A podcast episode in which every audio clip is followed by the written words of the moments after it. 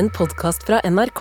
Hør alle episodene kun i appen NRK Radio. Helene Myhre er influenser og forfatter. Hun er kjent for sin Instagram-profil Helene Mo, der hun har over 350 000 følgere som er med henne rundt i billedskjønn norsk natur. Myhre produserer digitale kart med turtips og digitale fotofiltre til bildene dine, så de kan ligne mer på hennes. I tillegg har hun skrevet to bestselgende bøker om å feriere i Norge. Dette er Drivkraft med Vegard Larsen i NRK P2. Helene Myhre, Hei, herregud, så hyggelig. velkommen til Drivkraft. Tusen takk, stas. Hvordan har du det? Jeg har det flott, jeg. Fins det på morgenen, det her? Ja. Ja, eller det er formiddagen, kanskje er det nå. Ja. Det er jo Um, Dagen startet jo med en nyhet om at øh, renten ble satt opp nok en gang. Å ja, det har ikke jeg fått med meg. Dobbel renteheving fra, fra, fra Norges Bank. Ah. Og da tenker jeg enda flere kommer til å feriere i Norge. Jippi. Eh, og, du, og du er jo eh, norgesferieekspert. Ja, ikke Ja, altså, holdt på noen år, da. Ja, du har skrevet to bøker om det. Ja, ok. Som har solgt i bøtter og spann. Okay, ja. Og bygd deg opp en eh, profil på internett med 350 000 følgere Ja. om norgesferie. Det er sprøtt. Så men, Men gøy, da. Men jeg tenkte da, hva er da bedre enn at du gir oss noen sånn generelle norgesferietips Mhm. eh, denne timen her? Ehm, hvis du kunne velge helt fritt, hvor hadde du reist i morgen i Norge? Det er sola skinner. Altså, men, men på ekte, for det har vært nesten overalt. Ja. Ikke Finnmark, faktisk, enda. Eh, og ikke Svalbard. Men, så nå vil jeg faktisk være der sola skinner. For det er ikke gøy å være i en bil og sitte der og regnet høljer ned på utsida, og det blåser altså regnet eh, sidelengs, da. Så vil man ikke sitte der og skulle lage mat og kose seg på tur. Det er jo ikke gøy. Nei. Så man vil ha fint vær, men sånn hadde det vært fint vær overalt i morgen, så hadde jeg reist til Sunnmøre, tror jeg. Hæ, hvorfor det? Sunnmørsalpene? Ja, åh, men jeg, jeg, er sånn som Jo brattere fjellturer, jo gøyere. Egentlig sånn at jeg nesten må kave meg opp og dra liksom opp etter liksom grenene og buskene på en måte for å komme meg oppover. Og så syns jeg det er så gøy med den Gjørumfjorden som er så mektig og dyp, og det er så høye fjell, og det er så sykt Det er, så majestetisk, da. Så- Hvordan kom man seg dit? Altså til å kjøre dit? Ja. Kjøre bil. Ja. Ja, helst. Men hvordan, og, og hvis man skal gå den turen, hvor, altså, kan man kjøre helt inn og så parkere? Og så, hva, hva? Ja, faktisk. Ja, ja, ja. Altså, man kjører inn. Jeg syns Urke er en veldig fin liten bygd. Det bor vet ikke, kanskje et par hundre stykker, liksom. Det er veldig veldig liten. Nesten ingen har hørt om det. Man reiser bare dit for å gå de turene man går. Så det er Slogen som kanskje man har hørt om, det, som er 1500 motbakker rett opp. Jeg kødder ikke. Det er, bare, det er rett, rett opp. Men den er helt, den er helt vill. og det er så, det er, Du sitter på toppen, og så må du nesten holde deg fast, for det er liksom så, det er rett ned på alle kanter. Men det er sånn jeg får sånn skikkelig adrenalin. Jeg syns det er så kult og så gøy og så rått. For jeg hadde så høydeskrekk før. Så det er så kult nå å kjenne på at nå sitter jeg her og jeg føler at jeg har kontroll. Altså Man har jo aldri full kontroll, men jeg føler at jeg har det. Og jeg får det kicket av å sitte der og bare sprelle litt beina og holde meg fast. Det er jo gøy. Hvor, hvor lang tid tar en sånn tur? Opp dit? Oh, Slogen tipper jeg i hvert fall tar tre-fire timer. Spørs på tempo, da. Ja, én vei. Ja, Ja. ja. Men du kan jo gå Saksa, som er naboturen, som er 1000 høydemeter istedenfor 1500. Og da kan du kanskje klare det på halvannen-to, hvis du går greit på. Har du, siden du sier nå har jeg nesten vært overalt, uh, har du en sånn avkrysningsliste? Jeg har Google Maps, bruker jeg bare appen, og så stjernemarkerer jeg alt. Så nå har jeg vel snart, jeg runder snart 3000 markeringer i kartet. Så mitt norgeskart er jo gult, for det er bare stjerne på stjerne på stjerne. Ja. Så man ser jo ikke noe lenger, men det er gøy, for da kan jeg liksom Hvis jeg befinner meg i Hardanger, da, så kan jeg kikke liksom sånn, sitter jeg i bilen, kikker litt rundt hva skjer rundt fjorden her. Å, der har jeg lagra et bakeri! Da stikker vi dit og spiser vi kanelboller. på en måte sånn da. Så jeg har alltid liksom med meg de beste tingene lagra overalt. Du må alltid ha strøm, da. Ja, alltid ha strøm. Heldigvis har jeg bilen, så jeg kan lade. Men ja. Men det med, hva med sånn vanlige norske turkart, da? Du, jeg kan ikke kart og kompass. Det er veldig skamfullt å si. Unnskyld, jeg skal lære meg det. Så jeg gikk, jeg gikk eh, Rondane. så det er sånne langtur. Min første langtur gikk jeg i var det to år siden. Sånn tuttete hyttetur. Men jeg sov i telt, da, på en måte. Eh, det er fire dagers tur. Tung sekk og sånn. Eh, Helt jævlig å gå med tung sekk, forresten. Det sånn ikke, ga litt mersmak, men det er, det er ikke det samme som å gå vanlige dagsturer. Men da pakker jeg med meg powerbank og mobil, og så laster jeg ned kartet. For det er ikke dekning. Ja. Så du må jo laste ned kartet du har på telefonen, og så må du håpe at det ikke skjer noe gærent. da. Så da hadde jeg ikke med noe kart eller kompass for sikkerhets skyld. Så jeg befint, altså gikk jo langt inn i fjellheimen og håpa på at jeg kom meg hjem i Hva slags turmenneske er du egentlig? Jeg ha hater, hater tung ryggsekk og Stikk motsatt av Lars Monsen. Altså jeg kan virkelig ingen, jeg, kan, jeg fisker ikke, jakter ikke. Jeg kan null om det det tekniske. ja. Det skal være digg, komfortabelt. Jeg reiser på tur for det skal være altså Det er jo en avslapnings... Det skal være ferie, da. Eller føles digg ut. Dette er Drivkraft med Vegard Larsen i NRK P2. Og i dag er eh, turekspert eh, Helene Myhre her hos meg i Drivkraft på NRK P2. Hei. Turekspert. eh, denne Instagram-profilen din, Ja. Helene Mo. hvorfor heter den egentlig? Eh, altså jeg trodde jeg var 15 jeg trodde at Jeg heter Myhre Østevold. Jeg trodde at Ø blir OO. Blir, er så egentlig er det Helene En Moe. enkel- enkel men så det er, forklaring, det er ja. 359 000 følgere. Det er vel noe sånt, ja. Hvordan Hva er det som trekker 359 000 følgere inn til den kontoen? Hva er det du legger ut? Jeg spør meg selv om hver dag. Hva gjør dere her? For jeg tenker at når jeg legger ut ting, så er det sånn Dette kan mamma se. Nå kan hun se at jeg koser meg på tur, og så sender jeg liksom en postkort hjem der. Men altså det, Jeg tror kanskje det er at jeg, jeg har veldig lyst til at ting jeg deler, skal føles eh, verdifullt for andre. At jeg skal dele ting som har tips, altså erfaringer, ting som jeg har lært underveis. Ikke at det bare er liksom fine bilder av Norge, for det er sånn Det kan man se hvor som helst, på frimerker og så Ja. Men for eksempel Eh, altså, jeg, jeg deler turtips. Ja. Altså spesifikke turer. Altså, altså sånn Her går du. Så lang tid tar det. Og så egentlig så lite informasjon som mulig, men du trenger, det. ja. Og så deler jeg reiseruter og så hvordan jeg tar bilder, hvordan jeg redigerer bilder. Og så prøver jeg å holde det relevant. Så jeg tar jo på en måte flest bilder med mobiltelefonen, som aller fleste har i lomma si på tur. Ikke noe spesialkamera. Jeg, jeg gjorde det før, og da tenkte jeg sånn at det skulle se så glossy ut og skal være så flott og profesjonelt. Men nå tenker jeg sånn at jo enklere, jo bedre. Og så vil jeg at, jeg vil at når jeg reiser på tur, og ting, det innholdet jeg deler, skal At når folk ser det, så skal de tenke sånn Det kan jeg også få til. Så jeg kjører jo rundt i en caddy, som er egentlig ser ut som en sort snekkerbil, på en måte. Hvor jeg har med hjelp av stefar bygd om litt selv. seng og det, ja, en kjøkkenbenk. Altså sånn veldig, veldig enkelt, da. Hvem har bygd den om? Har du gjort det selv? Med stefar. Med Ja, god hjelp. Han er ja, flink. ja, handy. Så den er ikke isolert. Jeg har ikke noe strøm, jeg har ingen varme. sånne ting. Så jeg skal være, jeg skal bare, jeg vil at det skal se ut som at det her kan hvem som helst få til. Det er ikke dyrt, det må ikke være så avansert. og Man ser de synes ikke bobilene med liksom så Det skal være så flott og fint, og man skal ha alle løsninger og smarte ting og sånt her. Men jeg har det sånn hjemme, så jeg vil jo ikke reise på tur og på en måte ha det samme. Så hjemme har jeg det digg. Jeg har dusj, jeg har kjøkken, alt mulig. Den, den form for uh, ferie eller reising i hva skal man si, en ombygd bil, eller, men det Ja. helt enkle, det har jo blitt en, en trend, ikke bare i Norge, men også i verden. Mm, det er veldig gøy. Hvorfor tror du det?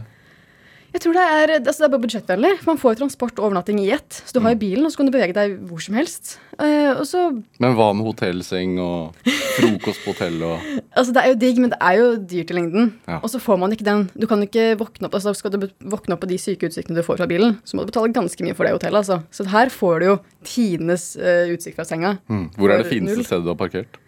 Oi, det er vel Det må være et sted på Vestlandet. Kanskje sånn i Oldedalen. Langt sånn inn i altså, sånn, litt Hvor sånn er, hvor er det? Det er ved Stryn. Ja. Og så vet man jo Lovatnet, som var så sykt populært i 2021 når alle skulle på tur. Det turkise vannet liksom, med de der fjordene og brevvannet og alt sånt der. Men så er det Nabodalen, som er minst like fin. Men der er det ingen, fordi folk ser jo bare det bildet, og så kjører vi dit, og så aner man ikke hva som er liksom, rundt neste sving. da. Er det opplevelsen eller eh, bildet du er ute etter? Opplevelsen.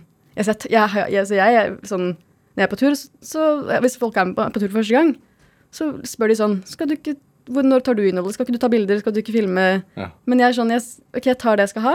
Så jeg filmer kanskje en snutt der og tar de bildene der, og så legger jeg den fra meg. Da, og så dealer jeg med det når jeg kommer hjem. Jeg, når jeg er der, så vil jeg, vil jeg virkelig være der. Ofte går jeg tur uten telefon. altså det faktisk, det, det, Tro meg eller ei, på en måte, men jeg går turer også uten å ta bilder av det. det gjør jeg. Hvorfor startet du den kontoen?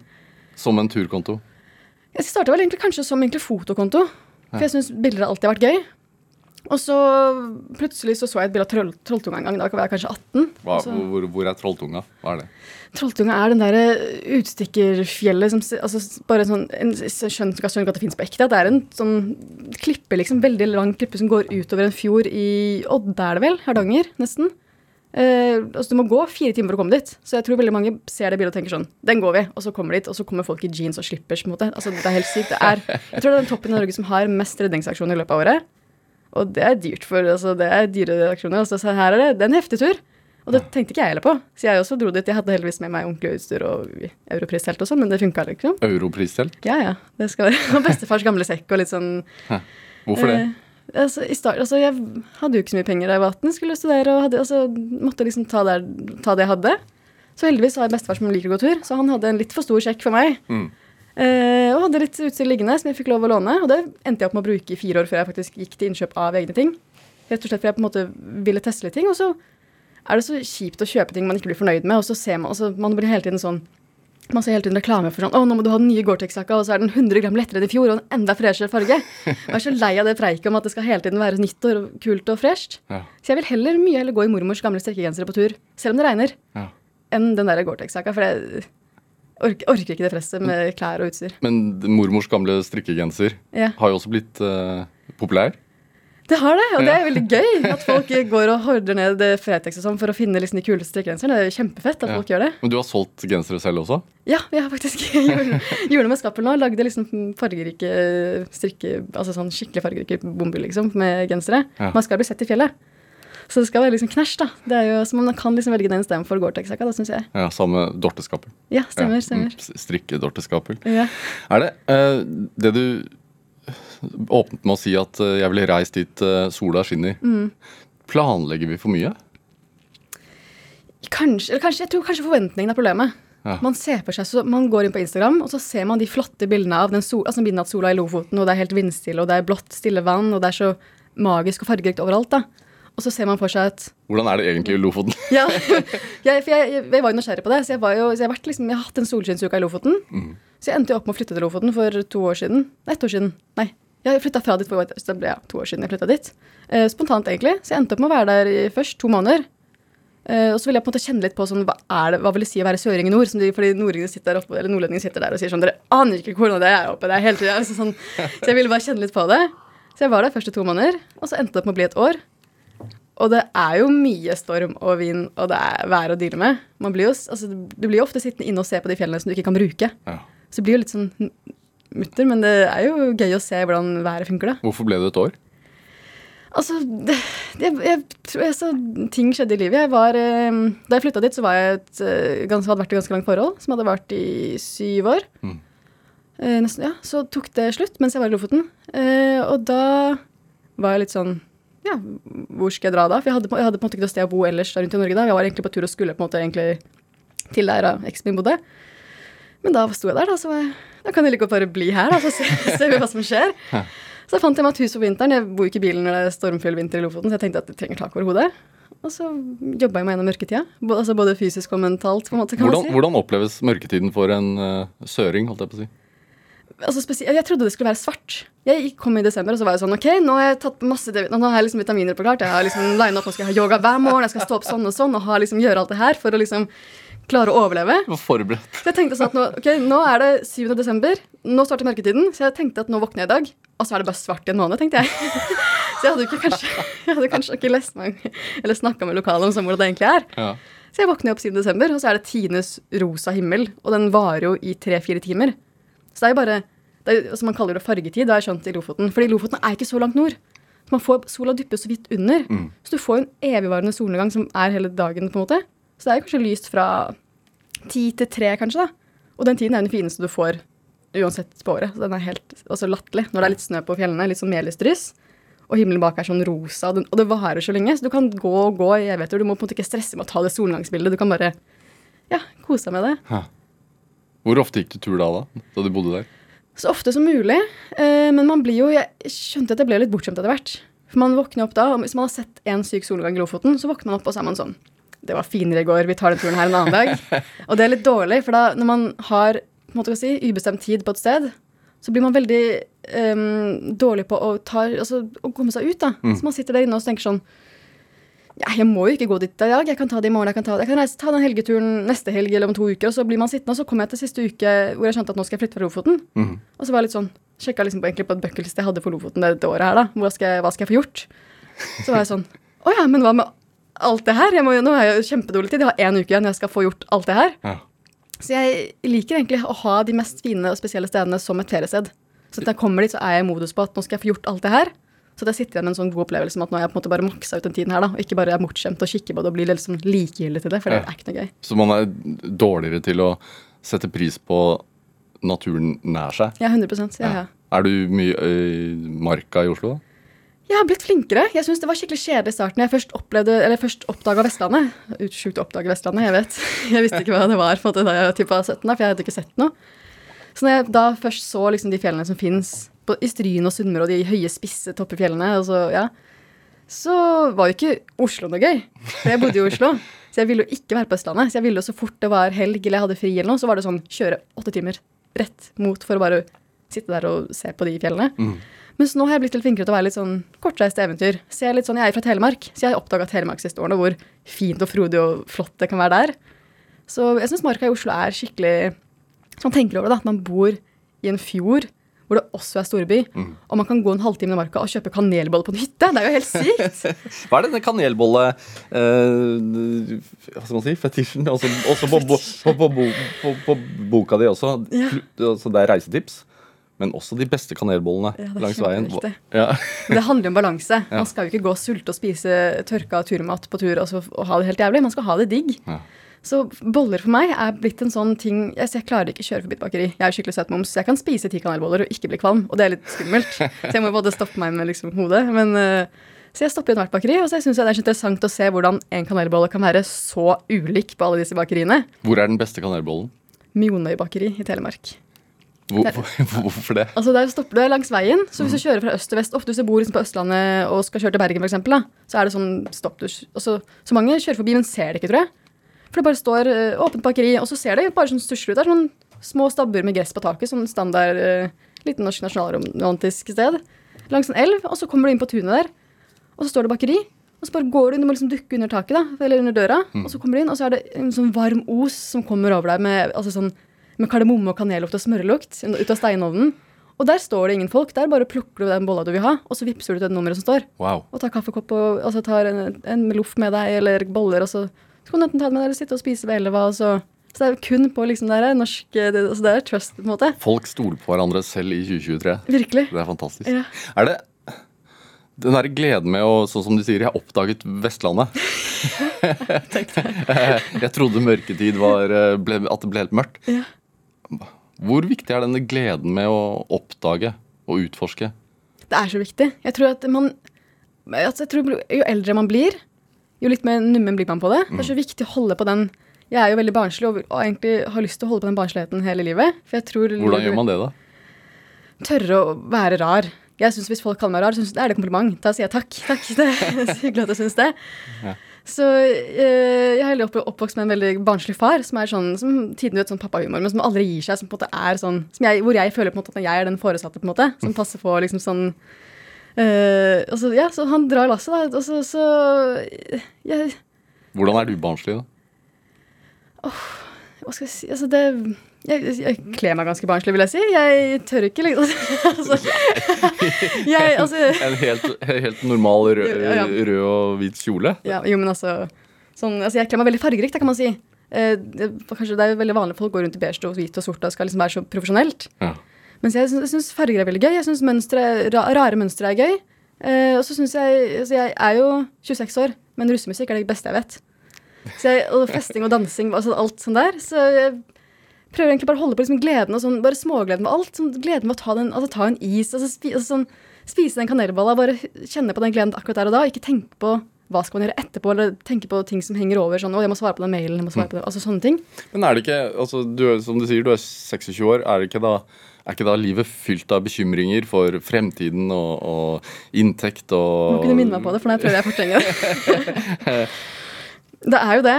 Eh, men så prøver jeg ikke å tenke så langt fram i tid. Og så er altså Vi har jo trukket et gullstrå. Vi bor i verdens beste land. altså Det er jo verdens beste land å fucke opp i. på en måte. Så skjer det noe. og Hvis jeg plutselig ikke har inntekt om en måned, på en måte, eller har noe å gjøre, altså sliter med ting, så så løser det seg som regel.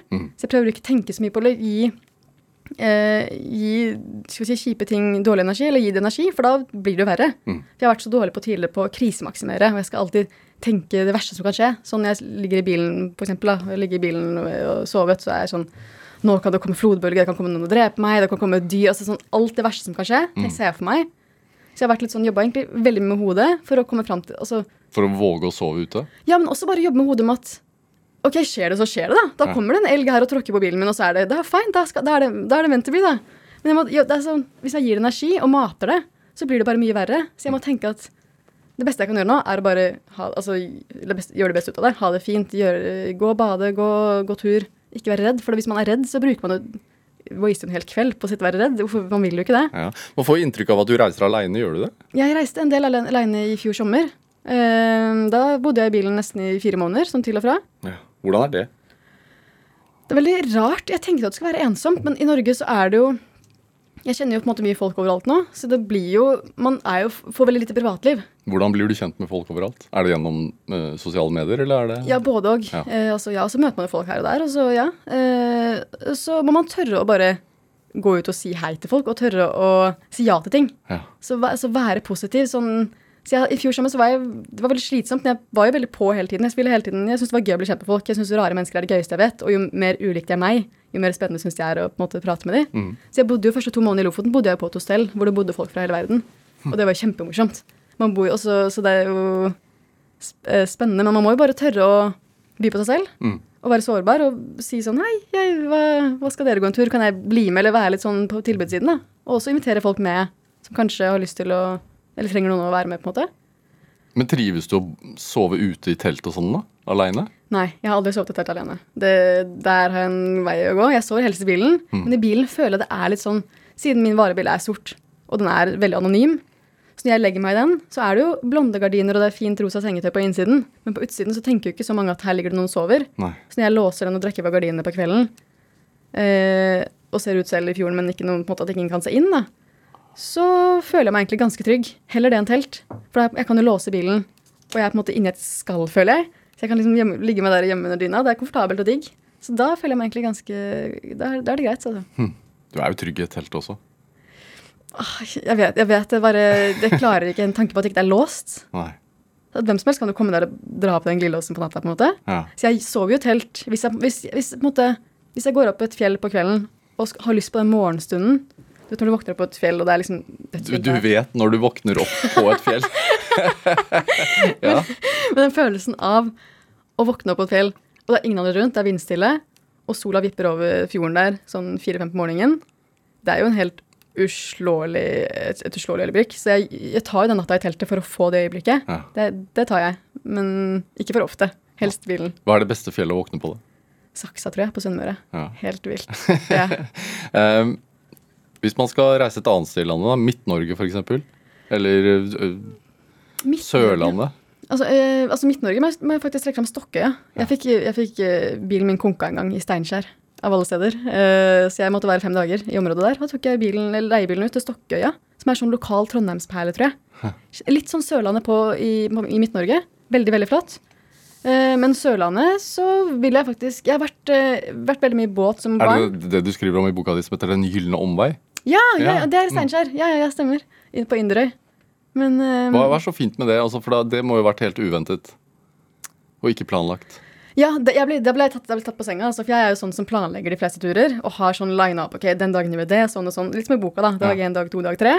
Og liner opp sånn. Ok, da er det, dag tre er det sol der, da må vi gjøre sånn og sånn.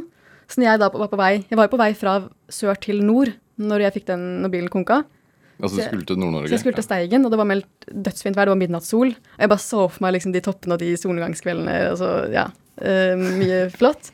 Så når da bilen konka i fellesferien på en fredag kveld, og det ikke var noe verst, så var jeg sånn Det er jo bittert, men sånn så jeg, Da må jeg ta meg selv i kinnet og bare sånn Hva kan jeg gjøre med det? Hva er det verste altså, sånn, altså, Hvis jeg sitter her nå og på en måte griner over det i fem dager, fine, på en måte. Det, hvor, hvorfor, hva, så da waster jeg de fem dagene jeg kunne brukt på å ha det fint. Mm. Så da må jeg bare ta meg skikkelig i det og bare tenke at ok, da er jeg Steinkjer, jeg har en leiebil, hva kan jeg gjøre? Så da spurte jeg jo litt lokale på Insta sånn, hva, hva gjør jeg her? Og Steinkjer har faktisk Norge, nei, verdens største hagestol på toppen av et fjell. så da gikk jeg dit, og så så jeg den hagestolen, og så gikk jeg Ja. Var det verdt turen, da? Altså, det var jo fint vær. Det var, Var det, var det en flott hagestol? Den var veldig fin. Ja. Eh, Hva er de rareste tingene vi har her i landet? rareste ting. Jeg Altså, Det må jo eh, være Jeg har skjønt at uh, Jeg snakker på en måte mitt- litt med litt andre altså utenlandske folk på Instagram som følger meg. Ja. Og de har skjønt at liksom gress på tak er tydeligvis veldig rart. Trær på tak, på en måte. Det, for oss er det helt vanlig. Så Ja. det er jo selvfølgelig skal vi ha gress på tak på hytta. Men det tror jeg er veldig veldig merkelig ting. Og så tror jeg det er veldig rart for de også, for utenlandske folk å komme til Norge, og så står det et kjøleskap langs veien i Hardanger, og der kan du gå og ta eplejus og vippse til nummeret. Ja, Og du bare, at folk gjør det. det er eksotisk. Ja, jeg, jeg tror det, altså. Så, men det er vanskelig å skjønne hva det er selv når vi på en måte er i det hele tiden. Så det er gøy å på en måte få litt sånn input av folk som ikke er her så ofte. Men har vi flere sånne typ eh, store hagestoler og sånn rundt omkring? det er jo en kjempestor sølvelg et eller annet sted. Er det ved en Elverum, kanskje? Mm. Som er sånn dødt altså den er sånn, Stor, Storelvdal eller noe sånt? Ja, ja, kanskje. Som er eh, Altså, det er jo Det er jo fet og sånn, men sånn Altså, hvorfor? Eller hva, hva jeg, jeg skjønner at man skal gi og Det er jo veldig kjedelig vei, strekke å kjøre. Mm. Så kanskje liksom gi folk litt sånn stopp underveis, da, så kan man liksom få en pause. Er det flest nordmenn eller eh, folk utenfra som følger kontoen din? Det er faktisk halvparten nordmenn, og så er det vel eh, USA, Tyskland og så Skandinavia. litt sånn. Ja, så begge. Jeg må på en måte prøve å please begge deler. For, altså, det er veldig vanskelig å legge ut noe som skal treffe folk som har bodd i Norge i hele livet sitt, men som skal til, også skal til Norge for første gang. Hva sier man til de på en måte for å treffe begge to? Det er jo vanskelig. Ja, Hva treffer begge to, da? Jeg tror egentlig bare turtips og reisetips og bakerier, altså konkrete ting. Hva, man, hva bør man se Ja. generelt? For jeg tror veldig mange som bor i Norge også, har veldig mye man ikke, ikke har sett før. Så der tror jeg det er mye å komme med tips til altså, når det gjelder alt. da. Ja. Uh, Helene Myhre, vi, vi må snakke litt om dårlige turer også, men, men først så skal vi spille litt musikk. Ja, Du, har- du har med en, en låt som heter eh, Surface Tension. Hva, hva er dette for noe? Jeg vil jo si det er mørketidssangen min, kanskje, som hjalp meg litt gjennom den vinteren i Lofoten. Og som jeg er litt sånn go to-låt når jeg sitter i bilen og skal kjøre langt og bare vil ha tiden til å gå. Ja. Så er en sånn, du vet noen sanger som bare sånn, gir deg litt sånn støkk? Som når du på en måte hører den. Litt sånn følelse gir den meg. Ja. Går du, har du musikk på øret når du går? Nei, jeg vil høre, jeg vil høre naturlyder. Ja.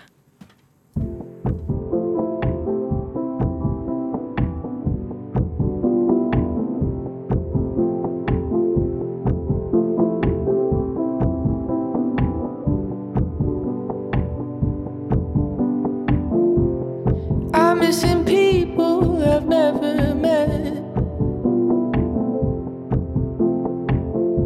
There's things in this town I'd rather forget. But I just keep on moving. There's no point in losing. I just keep refusing. Oh, I just keep on proving nothing is quite true and everything is fluid. Treading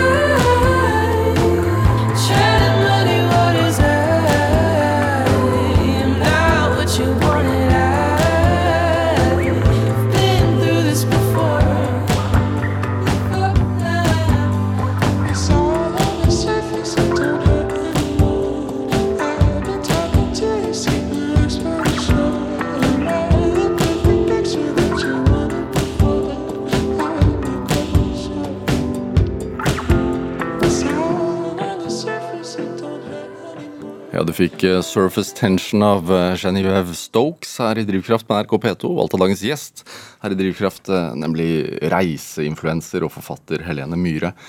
Hei. Re du er reiseinfluenser. Jeg er jo kanskje det. Ja. Hva Ja. syns du om det influenserordet? Ikke veldig fan, men jeg forstår jo begrepet. Jeg bare syns ikke at altså jeg bare, som, Hvordan begrepet har blitt, kanskje, jeg er ikke så fan av. Hva har det blitt? Jeg føler at det bare er en sånn liten rosa boble av materialistiske ting og overforbruk og altså jeg bare Jeg vet ikke. Men ting som ikke, ikke gir så mye mening, eller som ikke er så viktig. Mm. Så jeg, jeg skjønner at jeg, jeg vil jo gjerne påvirke folk til å komme seg ut. Hvis det er det, jeg, hvis det, er det som ligger i influenser, så vær så god på en måte da, gjerne. Hvor, men hvorfor er det viktig for deg? Altså, ute er det beste stedet på jord. Det er, altså, på ekte.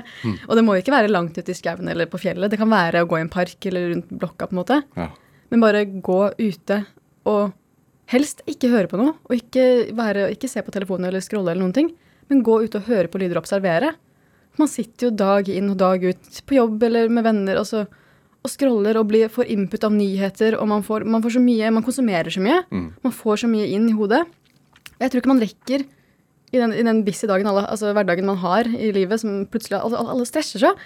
Så jeg tror at man ikke rekker å på en måte bearbeide alt man hører og ser i løpet av en dag. Hvis man ikke tar et øyeblikk eller en liten stund i løpet av dagen eller i løpet av uka og bare tenker over hva man har opplevd, eller hva som Fordi alt man ser og gjør hver dag, har jo en påvirkning på deg. Så hvis, ikke du, altså hvis du bare lever, da, bare går på autopilot, så plutselig er livet over, og så har du på en måte ikke tenkt over hva, altså hva, hva, hva var alle de dagene her, på en måte. Ja. Merker du det noen ganger? At nå, altså, sånn at nei, nå trenger jeg det, nå må jeg ut? Ja, virkelig. Jeg, sånn, jeg bor i Oslo. Eh, Det var dødsfint å bo i Lofoten, men jeg trenger den kontrasten. Så jeg elsker å bo i Oslo og være sånn og gjøre mye ting, og være med venner og være veldig sånn opptatt og gjøre, altså få veldig mye input, da. Ja. Ligger du og scroller også? Så, altså 100 jeg gjør det. Syns det er gøy, liksom. TikTok synes jeg er kjempemorsomt å se, men i, i moderate mengder. Så jeg kan være i Oslo i to-tre uker maks, kanskje. Så trenger jeg, da kjenner jeg at nå, nå rister det i kroppen, på en måte beina rister. Jeg klarer ikke å ligge rolig. Jeg må ut. Og det må ikke være så langt. Jeg må bare ut. Jeg må se noe annet enn blokk og by. Mm. Og så kanskje er det en helg, kanskje er det en dag. kanskje er det, altså Det må ikke være så mye heller. Jeg må bare ut og puste. Og Er- inn igjen, på en måte. Er du fra en sånn sporty friluftsfamilie? Er det der du kommer ikke. fra? Er du ikke det? Absolutt ikke. Det er derfor jeg på en måte fant den her friluftsgleden da jeg var 18. Da jeg på en måte flytta ut og skulle ta hånd om egne ferier. Men eh, altså jeg, var jo, jeg har jo blitt pusha ut på skitur på hytta og sånn. Den type ting. Ja. Jeg tror ikke Men, mamma eller men hadde motvillig? Pusha ut? Ja. ja, jeg tror ikke mamma eller syntes de skiturene var noe gøy. Jeg tror hun også ble, altså, gjorde det fordi hun tror sånn, det må man gjøre. Så når man er mor og tar med barna sine på hytta. Uh, men bestefar er kanskje den eneste som har litt sånn turglede i seg. Mm. Uh, så der er, tror jeg smitta litt over. Men ellers så er det eh, lite tur og jeg, går ikke, jeg går ikke på, drar ikke på tur med familien. Skulle gjerne ønske tatt, med- tatt med på bobiltur og sånn, men Hva? det, nei. Hva var det som vekket uh, interessen i deg, da? Jeg tror, siden jeg har vært så glad i foto og visuelt og farger og sånn fint, så tror jeg bare at, at det er så jeg at det er så fint, da. At det er så mye forskjellig, at vi har så variert Som landskap. et motiv trakk deg ut? Ja, liksom? egentlig. Så jeg kanskje dro kanskje starta egentlig å gå tur for bildene og at det var så fint. Mm. Og på en måte ble værende da, for opplevelsen og hvor mye det gir meg. Er det, altså du, Jeg vet at du har gått Westerdals, som er Ja, en eh, ja, hva, hva, Hvordan vil du definere den skolen? Eh, hva skal man si? Det er jo det er litt sånn Kreativ kreativ eh, skole hvor man får eh, kanskje gjort litt mer rare ting enn man kanskje gjort på, gjør på høyskoler flest. Mm, Litt hvor- mer frie tøyler. Hvorfor gikk du der? Jeg, litt tilfeldig. Jeg tenkte at bare Jeg studerte digital digital markedsføring. Jeg tenkte at jeg gikk jo mediekommunikasjon på videregående og tenkte sånn, ok, det er bare fortsette videre på den bølgen her. da, Kanskje det er noe Så egentlig litt tilfeldig, bare. Sånn, Jeg syns jo markedsføring og bilder og media og alt er så spennende. Det var så nytt. Ville jobbe med Da? noe i media? Ja, så jeg tenkte sånn, ja, da går jeg der og så ser jeg hva som skjer, og så Ja, så, gikk, og så var det gøy. Jeg fikk jo lært mye innenfor forskjellig, men jeg tror at den beste læringen får man av å gjøre ting. Ja. Av å være ute og si, i felt, da, og få gjort ting i Altså praktisere det. Hva lærte du om sosiale medier? Eh, også å gå der. Mm. Ikke så mye, altså, må jeg si. Jeg vil jo si at det meste jeg har lært innen det feltet der, har jeg lært selv. Ja. Så jeg, fikk, jeg tror det Westerdals ga meg, var kanskje nettverk. Og det å tørre å på en måte gå ut og si at du har lyst til å jobbe et sted. Du, men du, du jobbet jo i noe som het Splay. Stemmer. Ja, ja, så De hadde jo på en måte en Westerdals var sånn karrieredag. Og da kommer det masse bedrifter som står rundt stand. Ja. Så så jeg Splay der, og så var de litt sånn gøye og rare. og Hva er det for noe? Så det er, altså, da var det et YouTube-nettverk for på en måte influensere da, som drev med YouTube og lagde videoer. Og hjalp de med brand deals, måte, altså kommersielle samarbeid og sånn. Mm. Produserte ting og sånn. Og da tenkte jeg syntes YouTube var veldig spennende og gøy. Uh, så jeg tenkte at der skal jeg jobbe. Så jeg gikk bort, og så var jeg snakket egentlig, Jeg var jo veldig beskjeden før, Mhm. spesielt på Westerdals, så jeg sa ikke så mye til det. Jeg bare kikka litt, og kanskje sto og kikka litt sånn rart. Hm, hva er det de driver med, på en måte? Noe har skjedd på veien, fordi nå snakker du jeg vet det. Så jeg sendte en mail og bare etterpå og sa sånn Jeg vil jobbe hos dere. Jeg er sikker på at jeg kan gjøre en god jobb, bla, bla, bla. Og så hadde de ikke noe stilling, men så ja, så, så på en måte tror jeg kanskje overbeviste det om at jeg hadde så mye engasjement og tenkte at her kan jeg gjøre en god jobb. Og hva, hva var din rolle da? Jeg var først manager. Helt sjukt. Jeg var 20 år og skulle ha manager folk på min egen alder. Det var litt sånn, Og eldre. Så det var litt, føltes litt sånn merkelig. Men jeg, jeg fikk der, det var bratt læringskurve. Der fikk jeg lært virkelig å være, ta ansvar. Og ble med til OL i Sør-Korea som liksom den skulle passe på liksom disse profilene her. Jeg følte jeg skulle ha ansvar, så det var jo veldig sånn kasta ut i det. Hvem da? Eh, som Amalie Olsen, som er en sånn eh, Nei, og Preps og Dennis var Ja. jo med liksom, til OL. Så disse youtuberne som eh, vanka ut på den tiden. Eh, så, så det var så kjempegøy. Uh, så hva skal jeg si um, Lærte du da, altså Var det en sånn skole for å bygge seg opp en egen Instagram-profil? Det var jo egentlig ikke det. Jeg tenkte at jeg skal jobbe bak. Jeg syns det er veldig gøy Jeg synes det er veldig gøy å ta bilder og på en måte produsere ting og se hvordan ting skal bli. Så etter hvert display så ble jeg jo på en måte kreatør og skrev manus og hadde regi og sånn. Og så jeg det er kjempegøy bare se folk skinne og liksom gjøre deres potensielle, da. Eller se deres beste potensiale. Uh, men så Så det var aldri noen plan for meg å drive og måte skulle si, skinne selv eller på en måte være foran kamera. Så det skjedde litt sånn parallelt underveis, tilfeldig med at jeg mens jeg jobba i Splay, så begynte jeg å gå tur og tok bilder av det jeg la ut på Instagram. Ja. Så det ble litt sånn skal jeg si, det, litt sånn, det skjedde, skjedde samtidig. Og så jobba jeg i Splay i to og et halvt år før jeg skjønte at nå har jeg det for komfortabelt. Så jeg, altså jeg hadde en fantastisk tid. Det var kjempegøy og verdens beste arbeidsmiljø. Mm. Hva er feil med å ha det komfortabelt, da? Man, jeg tror ikke man får så mye utvikling. Eller minimalt, da. Og man eh, stopper på en måte litt opp. Så jeg endte opp med å si opp, selv om det var dødsgøy. Eh, og booka en enveisbillett til Sri Lanka. uten så mye plan, egentlig. Uten så sparte opp så mye penger. Ja. Så jeg forlot egentlig hadde på en måte, Jeg hadde veldig digg og komfortabelt i Oslo med venner og hadde en kjæreste og samboer og katt og alt mulig. Men jeg dro, og det var min første alenetur. Hva lette du til? Utfordringer, tror jeg. Ja. Å kjenne litt på det å være litt selvstendig og ta egne valg. Hva fant du, da? Jeg tror faktisk jeg fant det jeg skulle ha. Men det tok tid. altså Jeg var der i fire måneder. Ja. Og første uka var jeg sånn, jeg kikka etter eh, flybilletter for å reise hjem så fort som mulig. For jeg syntes det var helt jævlig. Jeg, synes, jeg satt på stranda bare på andre siden av jordkloden fra alle jeg kjenner, og bare sånn rett før jul og bare Hvorfor? Hva gjør jeg her? Hvorfor er jeg ikke Og jeg skulle ikke feire jul hjemme engang. Jeg skulle feire jul på Sri Lanka med folk på et hostell hvor det bare var fest og alkohol. og det, altså det var så skittent og ekkelt. Men jeg var sånn, ok, nå, stå, nå har jeg valgt å reise hit. Nå har jeg ikke noe å reise tilbake. Jeg har ikke noe jobb som venter på meg nå. Så må jeg bare, nå må jeg være her. Så må jeg stå i det. Mm. Og så var det ganske grusomt første to ukene før jeg på en måte turte å bli sånn bekjent med folk og snakke litt med folk og gjøre, si ja til ting og gjøre ting. Eh, så etter de to ukene så var de tre og en halv måned helt fantastiske. Hvor jeg hadde skikkelig, altså lærte så mye av meg selv og fikk fine erfaringer. da. Men fest og alkohol, og du er jo ung, det er jo grunn til at veldig mange reiser dit. Ja, det, ja det, det er jo det. Så jeg tenkte jeg skal dit og surfe og gjøre litt yoga og meditere og litt sånn, jeg. Så jeg endte opp på det festhotellet. Jeg visste ikke at hostellet var, litt så, var så festete. Nei. Så da var jeg litt sånn For jeg drikker jo ikke noe særlig alkohol selv. Så når jeg kom dit og bare sånn Jeg var jo 20 år Jeg passa på en måte rett inn, for jeg var jo 20 år gammel og var jo i den fest, eh, skal jeg si, den gruppa også, så sånn også mentalt eller sånn Mm. utad, da. Så jeg passa jo rett inn sånn sett. Og jeg syns det er gøy å feste. uh, så det var jo ikke det, men det bare når det, når, det, måte, når det første folk gjør på en er å knekke seg en øl og så gå og surfe, og så Ja, du vet den regla der, så blir man jo sånn Hva gjør jeg, altså? Hvorfor? Men hva lærte du om deg selv da, som du tok med hjem til Norge? Åh, Det- så masse. Jeg tror Jeg lærte at det er utrolig sunt å kjede seg. Og ikke ha noe å gjøre hele tiden. Å sitte og se ut på havet en hel kveld, at det bare At det kan gi så mye, og la tankene surre og på en måte bare Hva tenker du på da? Jeg tror jeg brukte mye av tiden på Sri Lanka til å tenke på sånn Hvem vil jeg være? Hva er viktig for meg? Hva er mine verdier? Hva vil jeg ha med meg videre? Hvem jeg, altså hva Når jeg kom hjem nå, var på en måte jeg jo, Da hadde jeg bikka 20, på en måte, da. Hva, hva, hva, hva, liksom, hva er min vei i livet? Mm. Så litt, ja, mye sånn Litt sånn klisjéting. Man tenker sånn Hva er men, altså meningen med livet? Sånn, litt sånne ting. Men sånn Å tenke på sånn hvor takknemlig jeg er, ikke minst når man bor på Sri Lanka og ser hvor Mye fa- fattigdom der. fattigdom der, og hvor kontraster Fordi Sri Lanka er ikke så kommersielt at du blir skjerma fra det. Du bor midt oppi det, selv om du bor på et hostell. Så er jo naboen din lutfattige. Så det å bare se de kontrastene og tenke hvor heldig og takknemlig man er for å være fra det stedet man er fra For jeg har, jo ikke, ikke, ikke gjort noe for å få lov til å bo i Norge, på en måte. Hm. Så hvor heldig er ikke jeg? Så jeg tenkte skikkelig på sånn når jeg kommer tilbake til Norge, skal jeg virkelig liksom Hvorfor har du den holdningen, tror du? jeg, jeg tror Ja, kanskje fra å være der, da. eh, og se det.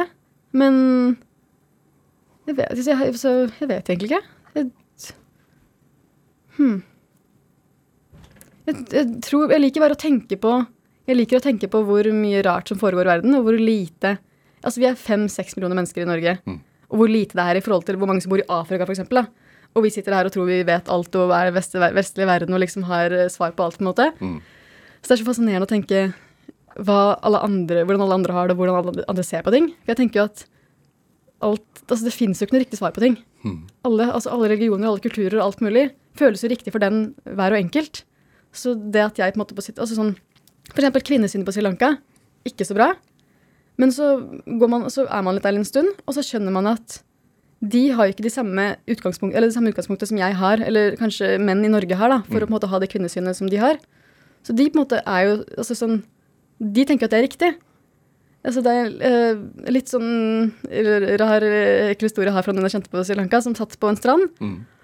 Og det kan ofte skje på Sri Lanka, sitter du på en strand, så kan det skje at noen står og runker deg i buska. på en måte, Er du jente på stranda? Det er, liksom, det, det er en, dessverre en litt sånn vanlig ting. Da blir man redd for å sove i telt alene. Ja, og da hadde en venninne av meg på Sri Lanka, da, en norsk jente, gått bort til han og med vannflaska og på en måte skulle liksom Hei, hva driver du med? på en måte. Mm. Eh, og da ble han sånn No, no, no. Og han, han ble, la seg helt flat, for han skjønte ikke at det var feil. At, altså det, Å stå der i buska på en måte, og gjøre det til de jentene, at det er feil ting å gjøre. på en måte, at det ikke, For han tenkte at det var en kompliment. Det er hyggelig fordi dere ser fine ut. dere er, altså sånn, Så det er bare sånn man tenker sånn Hva i all verdens land og rike? Hvordan, hvordan kan man tenke at sånn, Men man må bare prøve, gi- prøve å få forståelse for at folk er ulike og har ulike utgangspunkt for ting. Ja. Du, du har jo en eh, ganske berømt onkel her, i Norge. Stemmer. Eh, Jan Thomas. Ja, Hva har du lært av han? Og masse. Jeg tror han er mitt største forbilde. Eh, han eh, jeg- Hvorfor det? Han har levd si, ti liv og har vært gjennom så mye motgang og prøvd så mye og vært, alltid vært seg selv. Mm. Han gikk rundt i kjole og hølte sko da han var tolv, på Gulset der vi kommer fra i Skien. Og folk kikka jo på han som at han var verdens rareste, dølleste menneske. Sånn, altså alt den motgangen han har fått, da. Mm. Men det er også ikke bare at han er altså, homofil, han, har- altså, har mye, han sier ting rett ut, er direkte, og er, er seg selv. Altså virkelig, da. Ja. Har han gjort, at, gjort deg modigere? Jeg tror jeg. Ja. jeg tror det, bare, det bare følge med på han opp gjennom i oppveksten, hvor han har stått i stormer, eh, måttet eh, så ta ting, og bare hvordan han tar ting også. Hvor eh, profesjonell han er, hvordan han snakker rundt ting, hvor gjennomtenkt han er. Mm. Og det tror jeg kommer av at han har vært veldig mange år i den businessen her nå, så han, man lærer å ta over ting og lærer uh, underveis. Men han, uh, han er et uh, veldig sunt og godt forbilde som jeg unner alt. Hva, hva tenker han om din hva skal man si, mangel på kommersiell sans? Tenker sikkert at jeg er dum, ikke driver business. Nei, han sier at han syns det er veldig fint. Eh, Fordi du, du bruker jo ikke Altså, du har ikke sponsorer eller markedsføring på, på sosiale medier. nei, jeg gjør måten. egne produkter, som er det jeg på en måte tjener på. Ja, Hvorfor Eh. ikke? Altså, Du har jo en bakgrunn fra den virkeligheten. Ja, Hvor, stemmer. og man, med 359 000 følgere, så kan man hvor, hvor gode penger kan man tjene? Jeg tipper vil jeg maksa ut, så tror jeg kunne ligget på kanskje en halv mill, Mil i måneden. Hvis jeg hadde liksom En halv million i måneden. jeg, jeg tror det. Hvis jeg virkelig hadde liksom virkelig kjørt på det og bare tatt liksom sånn ordentlig kommersielt samarbeid og ja, Ja. eh, gjort det ordentlig. Men, men for hva, da? Da hadde jeg kanskje gjort det et år, og så har jeg så mye samarbeid og kommersielt at folk blir litt sånn eh, At man mister litt, altså man mister litt eh, fotfeste, og at ikke man ikke deler det autentiske man kanskje pleide å dele. da. Jeg vil at det, det jeg deler, skal folk uh, kjenne seg igjen i, og føle at måte, det jeg deler, er genuint. Mm. Så hvis jeg måte, hvis mine turtips er sponsa av den og den, Ja. hvordan skal folk tro på at dette jeg deler nå, er eh, hva skal jeg si, uh, det jeg virkelig mener? da? Så jeg vil, at, uh, vil ikke at mine meninger skal kjøpes eller kontrolleres av noen andre enn meg selv. Men seks millioner kroner i året for å gå på tur? Det hadde vært De færreste, færreste 26, Du er 26 nå, er det ikke Ja, det? ja, Færreste 26-åringer hadde sagt nei til det. kan, Ja, kanskje egentlig. Så jeg, jeg, tenk, altså jeg prøver å tenke at jeg er smart som sier nei, men jeg er kanskje litt dum også, det er jeg jo sikkert, som sier nei til dette her. Hva syns du om den kommersialiseringen av den siden av, av, av sosiale medier og, og den bransjen? Ah, slitsom og masse. Eh, jeg har jo som sagt, jeg jobba i Splay, og da jobba jeg på en måte på andre siden og fikk se hvor skitten den bransjen er. Hvordan er den det? Man blir jo behandla som et produkt, du er jo ikke en person. Folk vil bare ha spalteplass. Folk, altså det handler jo om penger. Hæ. Folk vil ha fram sitt produkt, og de vil ha det på en finest mulig måte. og de vil bare ha, liksom, Det er bare snakk om å få mest mulig for en sum penger, da. Så jeg altså, Det bare treffer ikke meg. Mm. Og så vil jeg ikke pushe forbruk på folk. Skulle jeg på en måte fått ting sponsa, skulle jeg fått liksom eh, turklær sendt til meg hver måned, eller fått sponsa tur hit og dit, så er jo ikke det det folk flest får, på en måte. Jeg vil jo være relaterbar. Jeg vil at folk skal tenke at det jeg går med på tur, Ja. kan folk også på en måte ha råd til å gå med. Hva lever du av da, da? Jeg selger egne produkter, da. Så jeg har jo de turbøkene mine. Og så selger jeg digitale kart og bildefiltre og Hva, sånt. hva er digitale kart? Jeg har, Det er veldig rar ting jeg selger. Egentlig selger jeg en link. Utrolig merkelig. Det, så det gir ikke mening. Men, så det Google Maps-kartet jeg snakka om, som jeg på hvor jeg stjernemarkerer ting, Ja. de stjernemarkeringene selger jeg. Så folk kan da på en måte få mine markeringer i lomma med at jeg på en måte har markert Oi, her er det bakeri, her er det en strand, her kan du campe, her Altså sånne ting, da. Mm.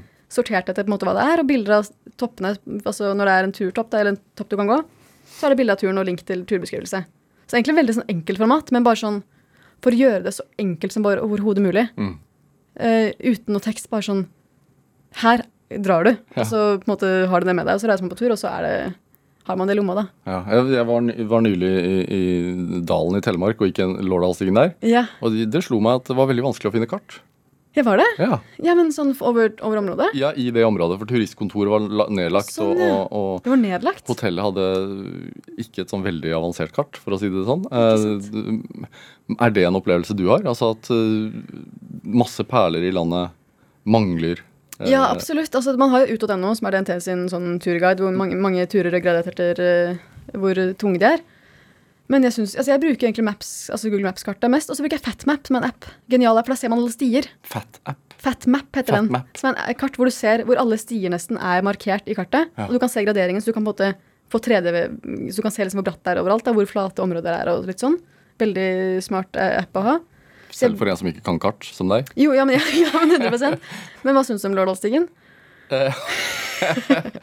De sa den var krevende. Jeg trodde ikke på dem, men det var den. Ja. Uh, mye røtter og stein. Ja, det, det er drittur. Fantastisk utsikt. Ja, men, ja, men det, det, det, er fin, det, er er fin utsikt. Går du, går du den halvtimen opp fra dalen, Ja, opp til det utsiktspunktet, så kan du gå ned igjen, på en måte. ja. Er det, og det er også skrevet i boka, for det er ikke noe Det, det mener jeg. Ja, Min kone og jeg gjorde det. Vi trodde den skulle ta åtte timer. Vi, vi, vi trodde den vi trodde vi skulle gjøre den på seks. Vi snudde halvveis. Du gjorde det? Oi. Så lå vi i telt, da. Men, Ok. eh, men eh, det var en fantastisk opplevelse, selv om det var mye røtter og man så mye ned. Ja, ja. Ja. Men hva, hva er de verste turene du har vært på? Uh, jeg tror kanskje en av den, altså den aller verste er kanskje Jeg gikk i Snøhetta i Ja. Dovre. Fjellet? Mm. Eh, ja. Eh, som man Ikke arkitektkontoret, men Nei, ja. Og jeg, før, i tiden trodde man at det var Norges høyeste fjell, før man oppdaget Jotunheimen. Det er litt gøy. Hm. Det, er vel, hvorfor var det en drittur? det var i juli, og jeg så for meg Jeg har jo sett bilder av den, og utsikten er jo helt syk. Det er jo turkist vann, og du vet sånn Så man ser fjell på fjell på fjell i sånn bakover. Og så er det i juli, og så er det snøstorm på toppen. Og du ser ingenting. Jeg snakka med han lokale på DNT-hytta før vi gikk, og så spurte jeg sånn Yr sier litt forskjellig. Hva tror du? For det er jo værskifte på Dovre der, for det er så høye fjell. Han sa sånn Kjør på, det er, jeg tror det kommer til å lette. Det er jeg her hver dag. Det her ser ut som at det kommer til å lette. Hæ. Så jeg gikk på. Og så er det jo sånn i de høyeste fjellene i Norge har jo, Det er bare stein. Så jeg syns jo terreng er veldig fint å gå i. Mm. Eller når, en måte, hvis det er ordentlig fjell. Men her er det bare sånn Du må jo passe Det er, sånn, det er jo an Må se- må se ned, ankelbrikkings uh, ja. Så det er bare store stein som du på en måte går og sjonglerer på. Og så begynner det å snø, og så blir det glatt på de steinene, og så blåser det. Og så var det altså det bare Ja. jeg, jeg, hadde, jeg tror ikke jeg hadde gått den igjen, altså, men Blir man redd da? ja, man blir jo det. Ja. Når det er Det er jo bratt, og så er det jo Når det er glatt, da. Eh, så tenker man jo sånn man sitter på toppen der, det er surt og jævlig, og det er fire grader og snø, og det er juli, og du er på sommerferie. Ja. Og det er, er, det er skummelt. Så ja, man tenker hva gjør man her? Men når- når jeg ser på, på Instagrammen din, så jeg føler ikke at du kommuniserer i så stor grad at det faktisk er ganske slitsomt å gå, da. Jeg tror jeg, jeg, tror jeg glemmer at det er slitsomt, fordi jeg syns det er så gøy også, og, for, Ja. og så fint. Jeg kan jo gå de to, to, to, altså to timene opp til Saksa på Sunnmøre, da. Mm. og syns det er helt grusomt. Men gøy, da. Men så kommer jeg opp, og så får jeg den utsikten. Så er det glemt. Ja. Da tenker jeg ikke på at det var altså, det, Da glemmer jeg hele den oppturen. Fordi, fordi den belønningen du får på toppen, er så verdt det. ja. Ja. Selv å være på toppen av Snøhetta mens det snør. Jeg kan nesten ikke si det samme der, altså, dessverre. Jeg skulle ønske Hadde jeg fått litt utsikt, Ja. så hadde, hadde jeg tenkt sånn OK, greit, da er det verdt det. Men jeg så jo ikke noe, så jeg gikk jo på en måte i en sky. Og, ja, så det Hvorfor, hvorfor har vi det der utsiktsbehovet? Jeg tror det bare er den følelsen av å stå på toppen av et fjell og bare se utover så mye. Og så mye altså det, er så, det er så variert, og det er så mye rare former. og Det er grønt og blått, og så er det solnedgang. Så, og hvordan, bare hvordan lyset påvirker alt. Mm. Og hvor, så tenk at vi Det er ikke mange steder i verden hvor du får eh, sånn nordlys da, eller midnattssol, og bare se hvordan sånt påvirker også, Og breer, altså bredvann, Ja. Det er jo ikke mange år til vi kommer til å ha det. Så, så det, er så mye, det er så mye som skjer. Samtidig ikke, fordi fjell står jo støtt. Men bare hvordan omstendigheter påvirker det naturlige. Og jeg syns uberørt natur er det fineste som fins. Ja. Det blir dessverre mindre og mindre av det, for ting skjer jo. Og brevvann er det beste man drikker. Ja, og det er ungdomsskille. Dypper du ansiktet til brevvann. Uff, det, altså det er det, lover er det beste du kan gjøre. Hva, hva, hva spiser du på tur? For det er en viktig del. Åh, kanelboller. Men så digg mat som mulig. Jeg synes at det skal ikke, jeg er ikke så glad i tørka turmat. Det skal være eh, godt, det skal være sunt, næringsrikt, men, men jeg bruker gjerne to-tre timer på kvelden og kokulerer opp et eller annet digg. Om det på en måte er På stormkjøkken? Ja, ja. Ja. Det tar jo lengre tid, for du har på en måte ett, du har jo ett varmeapparat. Så du må på en måte, skal lager du pastarett, så må du koke pastaen, og så må du lage sausen, og så må du det er, liksom, det jo, det er jo en, Ja. en prosess. Hva er det mest eh, hva skal man si, fancy du har laget på et stormkjøkken på tur? Oi, fancy. Eh, jeg syns jo pokerball er litt fancy. Men det, så liksom altså sånn ris i bunnen og så masse sånn grønnsaker dandert rundt, og så liksom et eller annet, om det er tofu eller laks, hva det er på toppen, på en måte, med en sånn peanøtt soyasaus. Det høres Og så en limebit, selvfølgelig, oppå der. med litt sesamfrø rista opp på toppen. Uh, men jeg syns det er veldig gøy å se hva man kan Fordi man kan jo lage det meste man lager hjemme, kan man lage ute. Man må bare enklifisere det litt. Og så må man tenke Så har man ikke kjøleskap, da, og så er det varmt, og så Jeg vet, ja, så jeg pleier jo å handle egentlig hver dag. For å gjøre det enklest mulig. Ja. For jeg har ikke noen kjøleboks, dessverre. Så jeg skulle gjerne hatt det. Men så Ja, så tar jeg det dag for dag. Og så tenker jeg sånn, jeg har gått den turen her, hva har jeg lyst på nå? Så kan jeg bare kjøpe det jeg har lyst på der og da, og så. Blir det det det blir. Blir det også en viktig del av turen? Altså At, man, at du, du har et måltid som du ser frem til, som du har gledet deg til? ja, ja, ja. Det er, jo, det er jo litt motiverende når man sitter på toppen av fjellet og er egentlig skrubbsulten og ser ned på den fjorden der man skal campe etterpå, og tenke at der skal jeg spise taco. det er jo veldig motiverende. Hm. Men jeg har, gått, jeg har en tendens til å jeg, har, Taco ved fjorden, det er bra. jeg går ofte turer og lager mat eh, på turen. Ja. Men så har jeg en tendens til utrolig nok å enten glemme formfett til panna eller, eller gass. Ofte jeg pakker med meg skal gå en lang tur og preppe opp til å lage pannekaker eller annet på tur.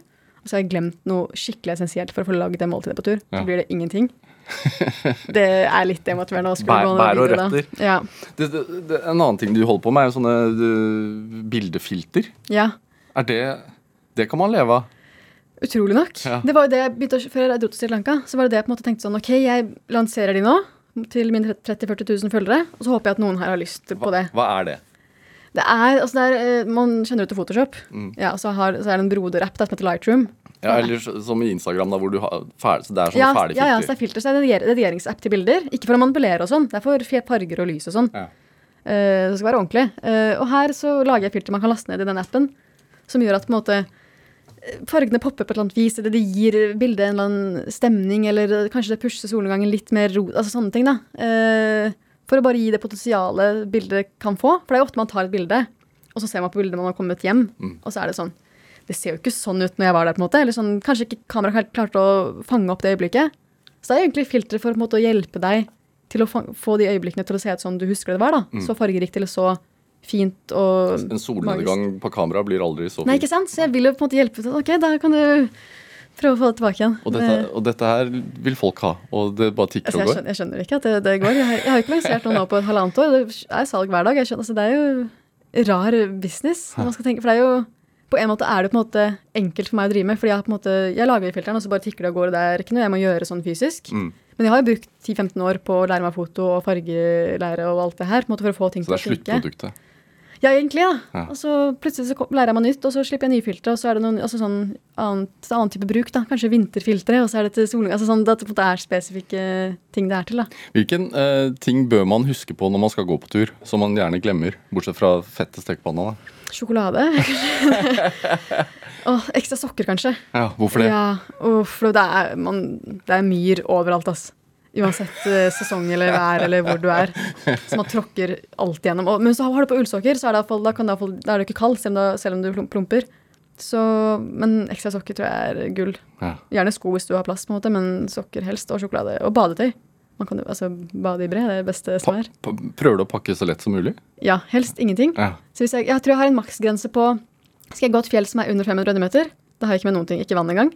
Ikke vann engang? Jeg, har- jeg, jeg, liksom, tror jeg trente trent opp kroppen til å klare seg uten på såpass. Ja. Jeg når jeg bodde i Lofoten, så jog- jogga jeg nesten opp fjellene. på en måte. Jeg bare tok en sånn treningstur. Så da drikker jeg litt før jeg går, tar på meg knyter skoa, jeg tar telefonen i løpebeltet, Opp. Ok, knipse bilde av utsikten. nyter litt. Kikker litt utover. Ok, Ja. ned. Og så pøser på med vann og næring. Ja, for det, ja, det, Man får mer glede av det hvis man ikke bærer tungt. Si. Men hvor skal du i sommer, da? Eh, jeg tror Det er sola skinner, så klart. jeg tror det blir eh, vestover og nordover. Jeg vil jo opp og se midnattssola etter hvert. Nå, har det, nå leste jeg at nå skal det bli varmere i nord neste uke enn det skal være i Spania eller noe. Og da drar du? Jeg må, jeg må jo det. altså, jo, jeg syns nord er helt magisk. Altså, får man de to ukene i løpet av året hvor det er over 20 grader Ja. og midnattssol og flott i nord, så er det ingen bedre sted man kan være. Hva tenker du om de som skal til Spania i sommer, da? Altså, jeg skal til Bosnia neste uke. Så, eh, pass, på familieferie, riktignok, så er det Ja. liksom sånn, det er, er ikke, var ikke jeg som valgte stedet og sånn. Uh, så jeg tenker at, Men det må på en måte ikke være enten-eller. Mm. Du må ikke sitte her og ha tre ukers norgesferie og gjennom hva slags, all slags vær og sånn. Du kan ta den uka på Vestlandet uh, når det er fint vær, Mm. og så kan du gjerne dra til Spania uka etter, eller omvendt. Men ikke tenk at det, måtte, du må ikke liksom, det, ja, det er en fin balanse, da. Så kan man få det all inclusive med liksom sånn alt eh, servert på sølvfat, på en måte. Ja. Men så komme hjem og liksom, eller omvendt, da, kanskje helst ta den der eh, uka i Norge hvor det er litt uforutsigbart, og så få litt sånn sitte og chille ved bassenget uka etterpå. Hvor bør jeg reise, da? Jeg som bor på Østlandet. Uh, mm, jeg har jo blitt veldig glad i Østlandet. Prøver å like det mer og mer. Selv om de på en måte ikke er de spisse toppe, stopp, toppene overalt. Eh, så, så ja, så jeg Kanskje Hardanger, Sunnmøre Så jeg bør reise til Nei, men det er ikke så For det, det som er litt sånn For jeg er jo jeg er veldig glad i Østlandet, men eh, kjører man fire timer, så er man plutselig liksom sånn Altså, Hardanger er ikke så langt vest. Du på en måte rekker å komme over til liksom det blir de flotte, flotte blå fjordene, som jeg er veldig glad i. Det er egentlig bare en ja, tur-retur Gardermoen, si. ja, men, det, men altså, det er fint på Østlandet. Jeg syns eh, jeg syns, eh, ja, Telemark, som du sa, Dalen og sånn, eh, med Lårdalsstigen sånn, er jo veldig flott, og det er ikke så langt unna. Helene Myhre, helt til slutt her, hva er drivkraften din? Oh, jeg tror kanskje det å se det positive i alt. Selv om ting skjer og livet opp og opp og ned, så er bare Så fins det nesten alltid positivt i det meste. Helene Myhre, tusen takk for at du kom til Drivkraft. Takk for meg. Produsent i dag, det var Kjartan Aarsand og Dorothea Høstaker Norheim. Eh, Camilla Bolling-Myhr gjorde research til denne sendinga. Eh, her i P2 får du nå nyhetene med Dagsnytt. Eh, og dette, dette var Drivkraft, eh, og også denne sesongens siste. Eh, fra og med neste uke er det sommerferie her i redaksjonen, så god sommer til alle som hører på. Du har hørt en podkast fra NRK. Hør alle episodene kun i appen NRK Radio.